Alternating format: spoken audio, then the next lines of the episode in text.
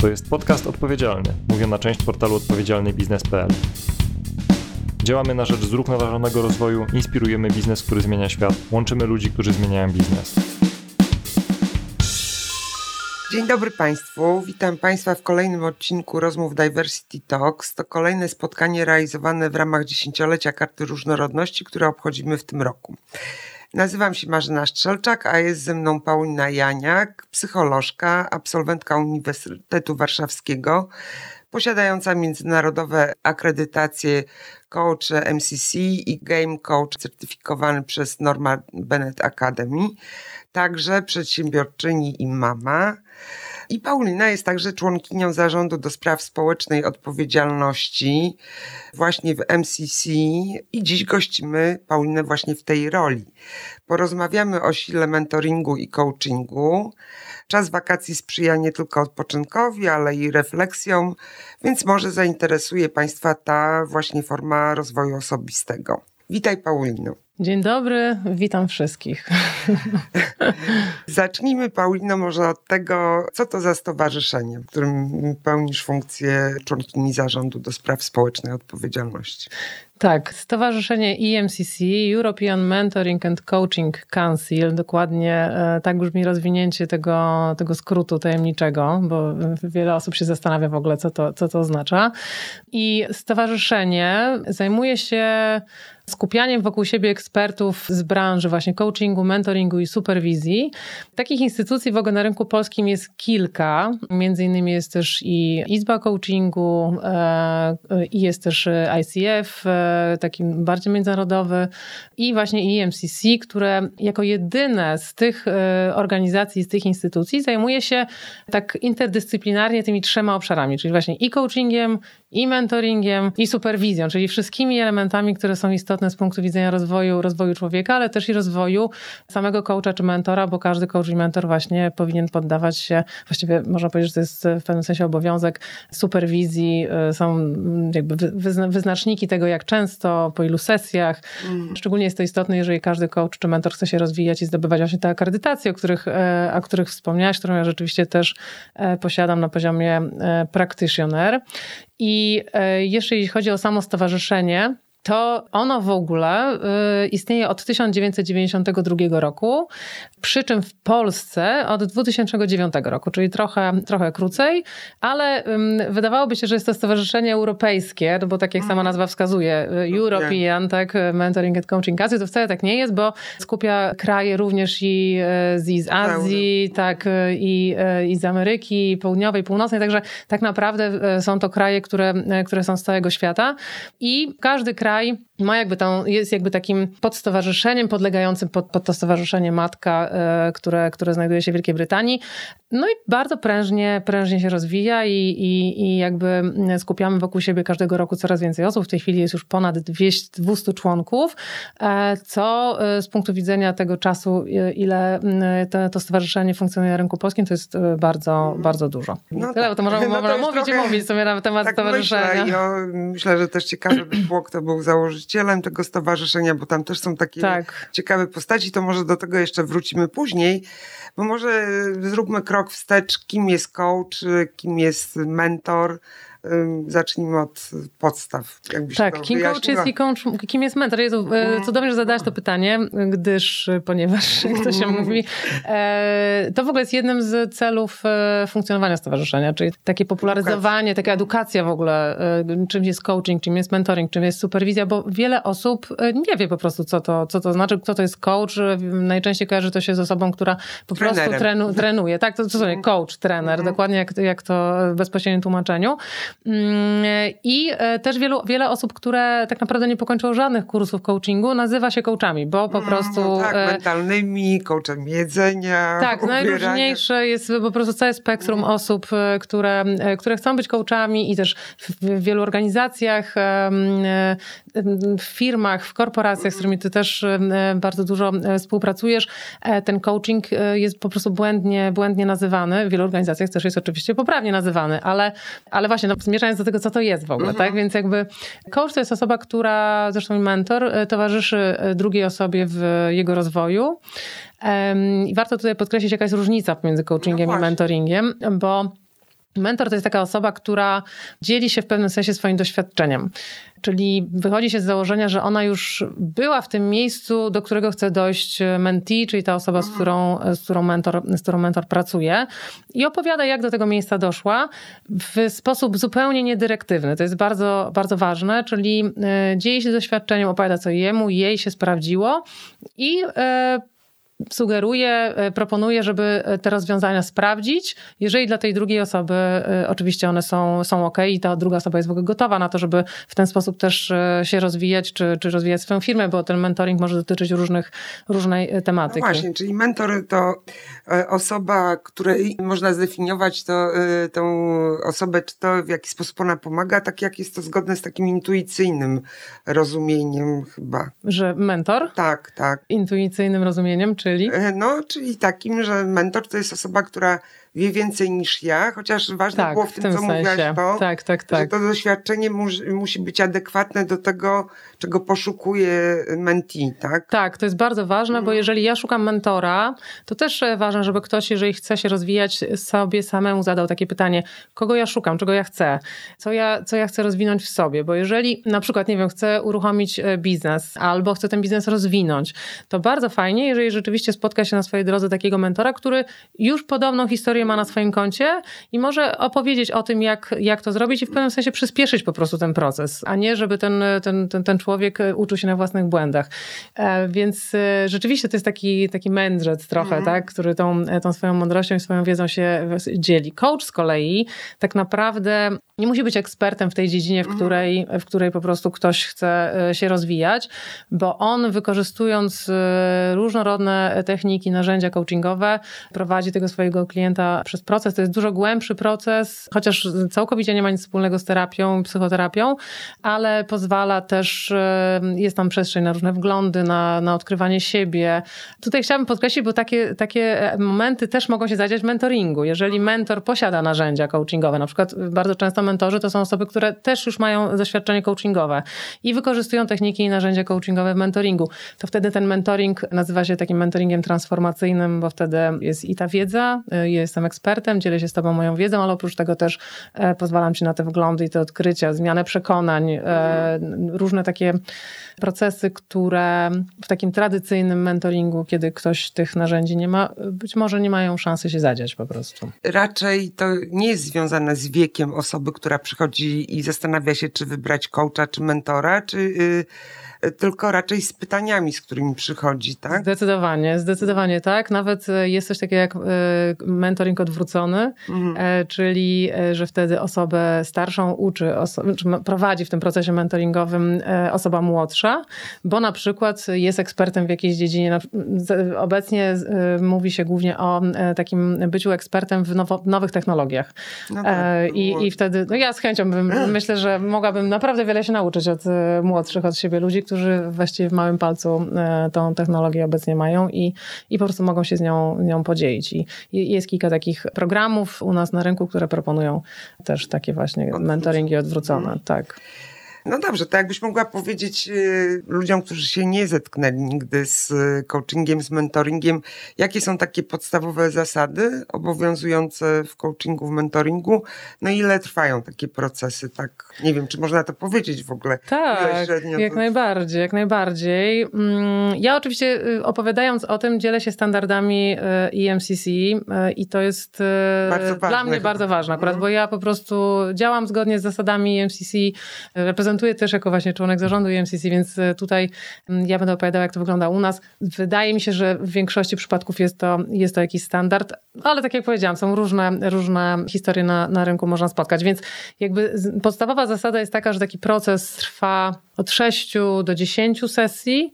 Takie 10 sesji dla mnie to jest maksymalne, jeżeli okazuje się, że ktoś potrzebuje ten proces wydłużyć, to te, też jest taka możliwość, ale jeżeli jest w ogóle taka potrzeba, jeżeli w ogóle ten mhm. proces jakoś się przedłuża, to też jest to niekorzystne z punktu widzenia e, rozwoju tej osoby, która korzysta z tego procesu, bo celem w ogóle całego procesu coachingowego czy mentoringowego jest to, żeby ta osoba samodzielnie potem mogła funkcjonować e, i rozwijać to, w czym chciała się rozwijać, czyli ten temat, z mhm. którym być może nie mogła sobie poradzić wcześniej, czy temat, który, nie wiem, na przykład dotyczył rozwoju firmy. to y, celem jest to, żeby po prostu potem funkcjonować samodzielnie, więc y, jest to sprzeczne z taką, y, czyli przedłużanie tego procesu byłoby sprzeczne z tą, z tą zasadą. Ja jakby w moich procesach widzę, że takie 6, właśnie 8 nawet sesji jest wystarczające, ta dziewiąta, dziesiąta, to, to, to właściwie tak naprawdę zazwyczaj podejmuję decyzję, żeby już tego nie przedłużać, chyba, że rzeczywiście ktoś bardzo chce jeszcze się pospotykać, to wtedy Ale możemy wtedy sobie dalej porozmawiać. kontynuować z tą samą osobą, czy raczej jest zalecane to, żeby zmienił coacha, mentora?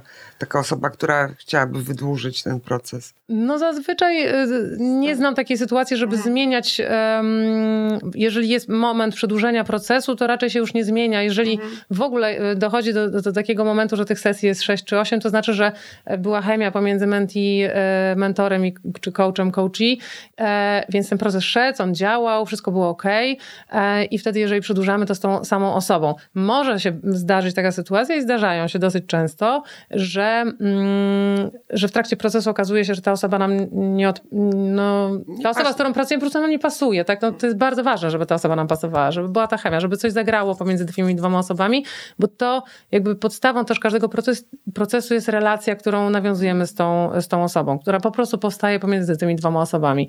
Więc e, jeżeli tej relacji nie ma, to ja zawsze to podkreślam i też koordynuję niektóre programy, żeby nie bać się po prostu zgłosić, że ten coach mentor nam nie pasuje, bo, bo to po prostu jest bez sensu. Bez sensu jest tkwić w procesie, który nam nic nie daje.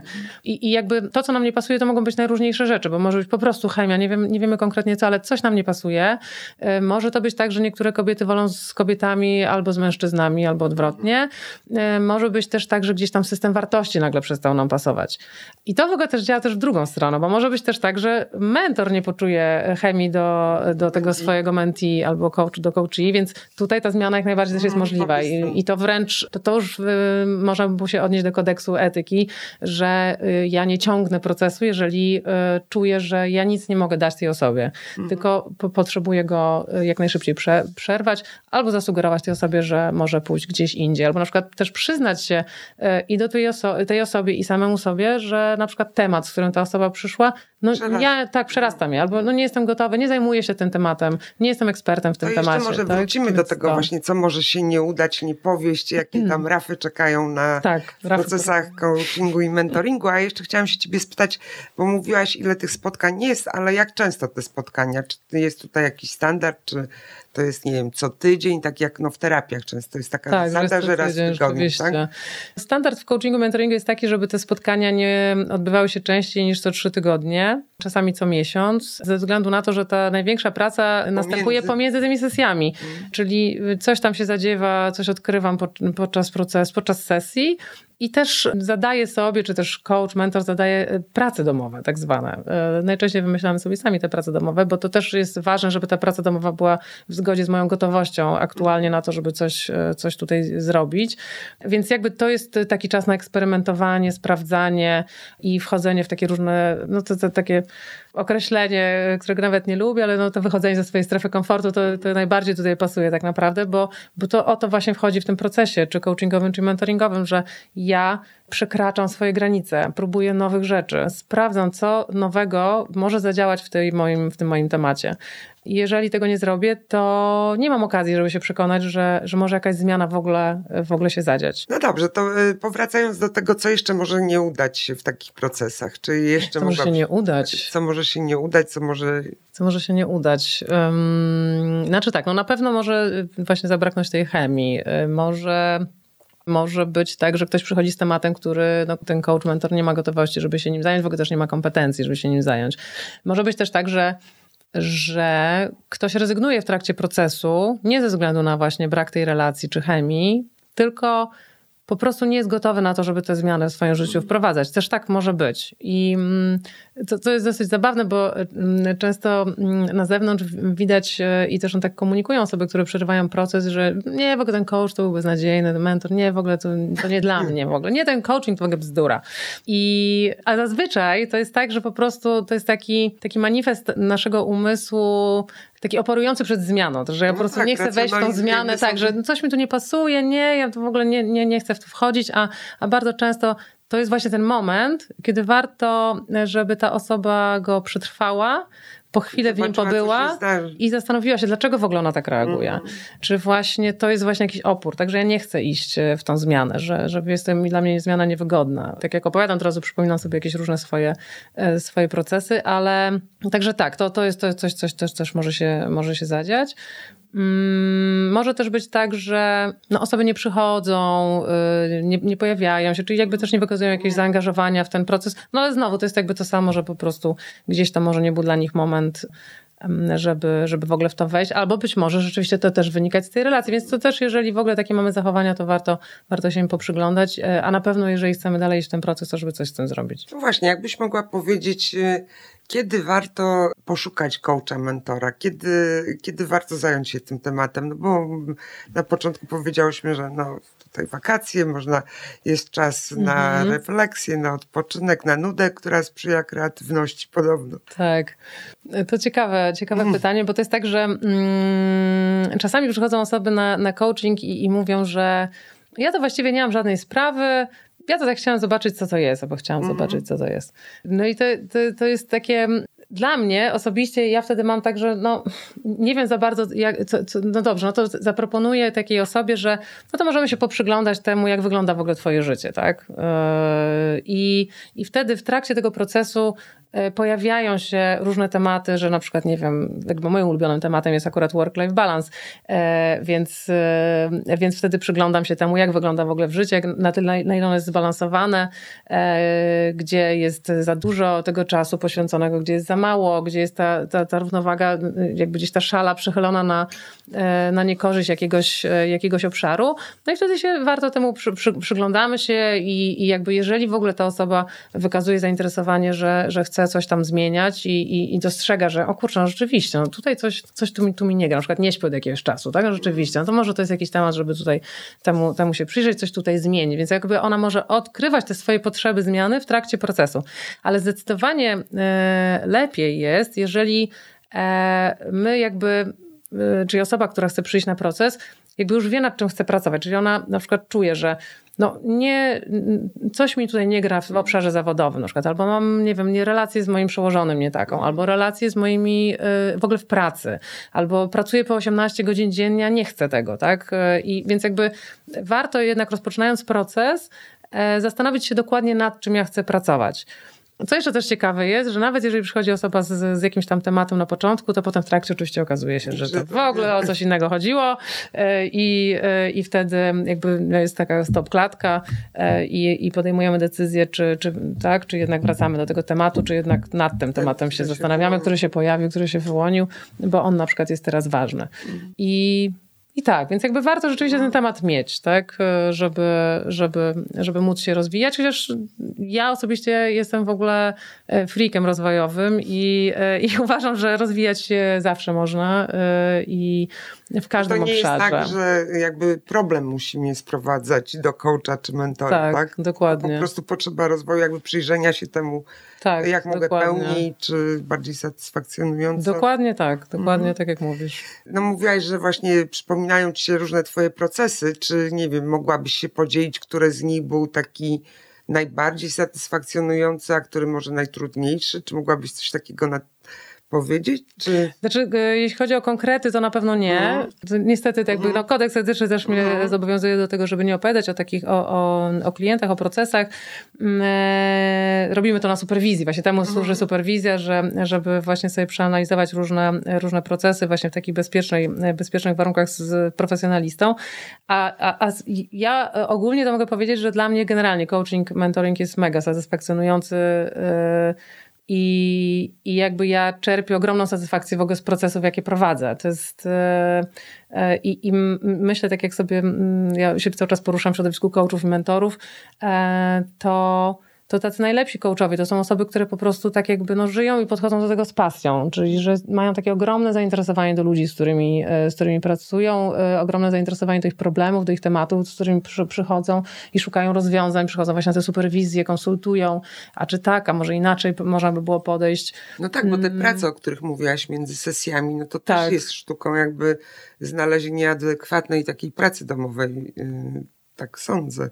Dla tej osoby. Mhm. Dlatego zazwyczaj jest tak, że ta osoba e, jakby no, tymi pytaniami coachingowymi doprowadza się do tego, że ta osoba samodzielnie tą pracę domową mhm. sobie e, wymyśla i opracowywuje taką, która po prostu będzie, będzie jej e, pasować. Taką myśl a propos tej, tych procesów jeszcze, że mm, że z takich trudniejszych tematów, które generalnie dla mnie w procesach, e, w procesach są, no ale właśnie znowu wrócę do tych superwizji, e, że, że wtedy rzeczywiście sobie to e, przegadujemy. Mm, to są takie momenty, kiedy ktoś opowiada mi o rzeczach, które są zupełnie nie z mojego świata i w które ja nie wierzę. Mhm. Czyli ktoś na przykład w międzyczasie poszedł gdzieś na jakąś inną konsultację do, do osoby, która zajmuje się pracą z ludźmi, taką metodą, w którą ja zupełnie nie wierzę. E, I zaczyna wprowadzać ją w swoje życie, i na przykład okazuje się, że, że, że te metody powstrzymują ją przed różnymi działaniami, które no dla mnie ja wtedy po prostu, ale jak to, tak? Znaczy, nic nie mówię wtedy oczywiście yy, i sprawdzam. I to też jest taka, takie zadanie dla coacha i mentora, żeby sprawdzić, czy tak długo jak to służy tej osobie, yy, a nie powoduje, że ona popada w jakiś stan depresyjny, to, to rzeczywiście może sobie je, je yy, stosować. I, no ale cały czas to sprawdzanie, cały czas to sprawdzanie, czy, czy to, co człowiek robi, to jemu po prostu służy w rozwoju. Zetknęłyśmy się przy okazji takiego programu, który nazwaliście Solidarity Coaching. E, właśnie na czym ten program polegał, e, polega i no, kto może się zgłaszać do waszego stowarzyszenia, w jaki sposób e, osoby, które nas słuchają, jeśli byłyby zainteresowane, mogłyby skorzystać. Tak, to co mówiliśmy mhm. na początku, tak jest, że jestem członkiem zarządu od odpowiedzialności społecznej. Rzeczywiście, jak zaczynałyśmy rozmawiać, to nazywało się to Solidarity Coaching. W międzyczasie to się zmieniło na Social Responsibility Initiatives. Mm. Globalnie nam narzucona zmiana nazwy z którą ja cały czas nie mogę się jakoś e, pogodzić, bo już tak się przyzwyczaiłam do tej pierwszej, ale yy, nieważne. Może szersza jest ta social tak, bo to właśnie Solidarity Coaching było, tak? A to Initiatives, więc jakby to mhm. rzeczywiście obejmuje szerszy spektrum działań najróżniejszych.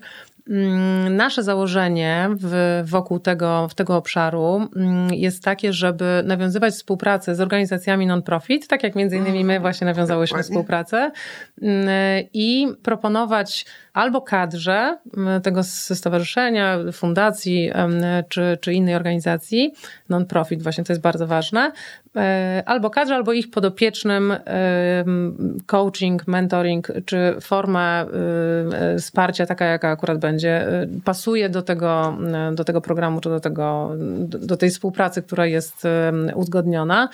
Mm, także mogą do nas się zgłaszać najróżniejsze organizacje, które byłyby zainteresowane tego typu e, pomocą pomocą, też nie do końca lubię tego to słowa, bardziej takim, takim towarzyszeniem, rozwojem, rozwojem po prostu kadry, która, e, która pracuje w danej organizacji. Mm, to jest e, dla mnie osobiście ważne o tyle, o ile w ogóle praca w non-profit organizacjach jest dosyć taka wypalająca. Nie wiem, czy ty się mhm. zgodzisz ze mną, no, czy to może ja coś wymyślam. właśnie, no właśnie, że to jest takie, może to być wypalające, tak? Bo gdzieś e, e zawsze taka idea e, pracy takiej organizacji jest, e, jest jakaś misja po drugiej stronie. E, jakieś zmienianie świata, e, zmienianie no świata to jest takie najbardziej pojemne w gruncie rzeczy. To, czy to dotyczy organizacji, czy kobiet, a może tak, zwierząt, cokolwiek. Tak, zwierząt, cokolwiek. Czy tak jak moja moja wspólniczka Karolina, y, też popularyzacja y, wykorzystywania urlopów rodzicielskich przez mężczyzn. No to, to, też jest taki temat, który w naszym społeczeństwie jest y, nowy. W związku z tym jest to wypalające, bo, bo, bo, bo nie każdy to rozumie, nie, nie każdego to, to dociera. Więc dla mnie osobiście jest mega ważne, żeby takie osoby, które się tym zajmują, wspierać, żeby one mogły odnaleźć sobie taką siłę, energię i, i, i na nowo pasję do tego, żeby to robić.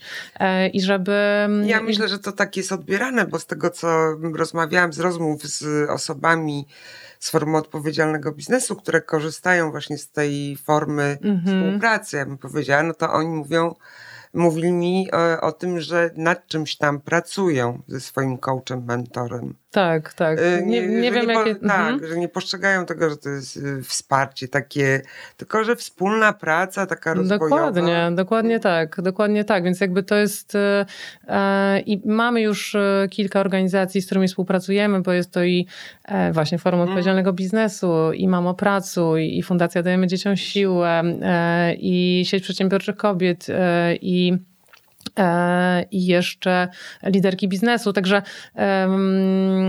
a ja szoka też, więc jakby ja cały czas szukam e, takich, takich organizacji, które byłyby zainteresowane tą, e, tą formą współpracy. Mm, i to jest tak, że jakby naszą ideą jako EMCC jest pracę, jakby angażowanie naszych członków e, w to, żeby dzielili się swoją wiedzą nie tylko na zasadach komercyjnych, ale również na zasadach właśnie pro bono. Tak? Że jakby według mnie i według e, tego, jak, jak my funkcjonujemy jako EMCC, no to powinno być po prostu wpisane w DNA każdego coacha e, i, i mentora. No tutaj jest taka, taki ważny element, że my do tych, do tych współprac angażujemy tylko i wyłącznie akredytowanych coachów i mentorów. Co gwarantuje pewien tak, czyli jakby, jakby my w ten sposób gwarantujemy, że po prostu jakby y, oddajemy pewną jakość, y, która y, no tak, jakość mhm. tego, tych procesów, tak, że, że to są osoby, które naprawdę już mają na koncie wiele godzin um, i coachingu, mentoringu, superwizji i różnych rozwojowych Czyli własnych. wspaniała wiadomość dla wszystkich osób tak. z organizacji pozarządowych, które nas słuchają, tak, mogą się zgłaszać do ciebie. Tak, dokładnie. E, a jeżeli ktoś nie pracuje w takiej organizacji non-profit, a chciałby skorzystać z tej formy rozwoju, to w jaki sposób może to zrobić? Jak ktoś nie pracuje w organizacji non-profit, a chciałby Pracuje skorzystać z tej formy w biznesie, tak. Y, no to już tylko na zasadach komercyjnych. No właśnie, tak, czyli tak. jak to wygląda? Wtedy mm, po prostu kontaktuje się z kimś, wchodzi na waszą stronę, jak to technicznie wygląda? Mm. No tak, jeśli chodzi o biznes, y, to my bezpośrednio z biznesem y, jako EMCC nie współpracujemy. Mm, też y, zdarza się tak, że do nas dzwonią, do nas jako do zarządu firmy i pytają, kogo my możemy polecić do współpracy. Mm, no to my jakby nie możemy nikogo polecać. Znaczy mhm. my po prostu odsyłamy na naszą stronę, jest baza coachów i mentorów, można sobie każdy przejrzeć może... każdego bio, sprawdzić jaka osoba, o jakim profilu by nam najbardziej odpowiadała, żeby, żeby po prostu zaangażować ją do, po do tych pracy. do tak. tej osoby. Tak, i wtedy bezpośrednio tam jest kontakt, są do osób, e, można sprawdzić, kto, kto jaką akredytację ma na jakim poziomie, bo, bo jest ich kilka e, i wybrać po prostu taką osobę, która dla nas według kompetencji i doświadczenia będzie najbardziej e, odpowiadać dokładnie. Także jeżeli ktoś byłby zainteresowany, wracając jeszcze do tego, do tej współpracy z fundacjami, to tak, to można do mnie, do, do Pauliny Janiak, też jest kontakt do mnie na stronie, a adres strony to www www.emccpoland.org. I tam też e, w kontakcie e, można znaleźć osoby, które zajmują się poszczególnymi tematami. Super. No to jeszcze na koniec chciałabym się Ciebie spytać, bo mówiłaś też, że czasem w procesach coachingowych powraca temat work-life balance, że to jest też Twój jeden z ulubionych tematów, e, więc chciałabym się Ciebie spytać, jak Ty dbasz o swój work-life balance? Jak ja dbam o swój work-life balance? No moja wspólniczka mogłaby tu więcej powiedzieć na ten temat. Jak ja dbam o swój work-life balance? E, no więc ja, tak, ja myślę, muszę powiedzieć, że jestem, e, jestem ekspertem, jeśli chodzi o dbanie work-life, o, o swój własny wow. work-life balance. Mm, I ja osobiście uważam, że w ogóle Już praca zdalna... Po prostu chętnych do... tak, znaczy to, to, to można, niektórzy mogą powiedzieć, że to jest w pewnym sensie jakaś utopia, szczególnie jak pracuję z e, osobami z korporacji, e, to ja też jakby no, potrzebuję nałożyć ten filtr, że ja prowadząc swoją działalność zupełnie inaczej funkcjonuję niż osoba, która pracuje w korporacji i, ona ma pewnego rodzaju ograniczenia. E, no ale to też wtedy odpowiednimi pytaniami można trochę rozkruszyć, czy rzeczywiście te ograniczenia są takie sztywne. Ale, ale tak, ja dbam o mój work-life balance na zasadzie takiej, że ja mm, też trenuję jazdę konną, y, która jest moją pasją i ja zawsze muszę znaleźć na to czas. Czas. I ja wiem, że jeżeli dbam o to, żeby mieć na to czas, to, to po prostu ta energia we mnie jest. I, I uważam, że każdy powinien teraz, szczególnie kiedy jest ten okres pracy zdalnej i możemy pracować z domu, wykorzystywać czas na to i pasję, ale też znajdować czas na to, żeby pójść na, na spacer, wykonywać kole spacerując. Ja na przykład coś takiego wdrażam i ja zawsze jak muszę wykonywać jakieś telefony e, do klientów, to po prostu robię to podczas spaceru z psem, e, bo uważam, że wtedy też, no jakby, no uważam, że naprawdę ta praca zdalna to jest w pewnym sensie zbawienie tego, e, te, tego tematu zadbania o, o, o, naszą równowagę. My się zajmowałyśmy tą, tą tematyką już od bardzo dawna i teraz trochę mi się śmiać się chce z tego, bo, bo kiedyś ten work-life balance był taki naturalny. No po prostu wychodziłam z domu, byłam w pracy, potem wychodziłam z pracy i wracałam do domu i byłam w domu. A, a teraz jest tak, że właściwie no, tak, jestem po prostu albo cały czas w domu i większość korporacji jednak um, pracuje cały czas w tym trybie um, i, i wtedy no to się ten, ta, ta, granica bardzo rozmywa. Tak naprawdę no tutaj już jest, można było kolejną jakąś w ogóle temat tak, rozwinąć. Temat. Tak, mm. bo tu jest naprawdę dużo, dużo do roboty, jeśli chodzi o tę równowagę. No tak, to na koniec spytam cię, czy jesteś przed urlopem, czy już po urlopie i czego ci życzyć? Ja jestem jeszcze przed urlopem, ale y, od dwóch tygodni nie ma moich dzieci, więc się czuję, jakbym była na urlopie, szczerze mówiąc. Naprawdę. Tak, dokładnie, tak, tak, tak. No, więc ostatnio tak, nawet jakieś... Każdy rodzic rozumie. Tak, dokładnie. Nawet znajome mi e, proponowały, żeśmy pojechały e, jakiś czas temu na Openera e, i ja tak się długo zastanawiałam i w pewnym momencie stwierdziłam, że, e, że stawiam na wakacje all alone, bo jeszcze męża mojego wtedy nie było, więc mówię, nie, zostaję w domu. No więc, więc tak, trzeba dbać po prostu też o taką, o taką higienę mm, swoją własną, tej swojej psychiki, tego, tego oderwania się od bodźców. E, e, też nasz prezes EMCC e, na przykład cały sierpień robi sobie, odosobnienie od mediów cyfrowych no, całkowicie. Kiedyś jeździł do, na odosobnienie do takiego środka buddyjskiego na cały miesiąc. Teraz robi to po prostu w domu i uważam, że to jest mega ważne w dzisiejszym tak. świecie. Tak. Dobrze, a czego ci życzyć? Jejku, czego mi życzyć? życzyć? Nie wiem, słuchaj. A czego Oby tak dalej. tak, czego? O, ja Życzmy sobie, listę. żeby... Okej, okay. to podpowiedz mi może właśnie, o, to może będzie... Nie. Nie, wszystko jest w jak najlepszym porządku. Ja tak myślę, że y, jeśli chodzi o MCC, bardziej chciałabym chyba życzyć y, sobie w kontekście MCC, żeby, żeby się rozwijało dalej, żeby było coraz więcej członków, żebyśmy też mieli okazję dzielić się tą wiedzą i te, te dobre praktyki po prostu rozpowszechniać. Dzięki też również tym mm. członkom, bo tak naprawdę każdy członek działa na rzecz e, stowarzyszenia, nie tylko my jako zarząd. No to tego właśnie życzę Tobie i wszystkim członkom, członkiniom stowarzyszenia dla waszego dobra i dla dobra tych wszystkich, którzy mogą z tego korzystać. Bardzo, bardzo dziękuję. Ci dziękuję. Również życzę Ci wszystkiego dobrego. Dziękuję bardzo. To jest podcast odpowiedzialny, mówię na część portalu odpowiedzialnybiznes.pl.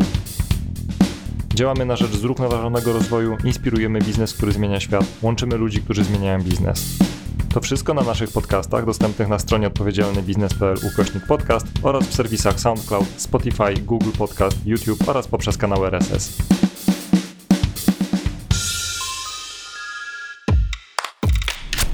Ten odcinek powstał w studiu Produkcja Podcastów.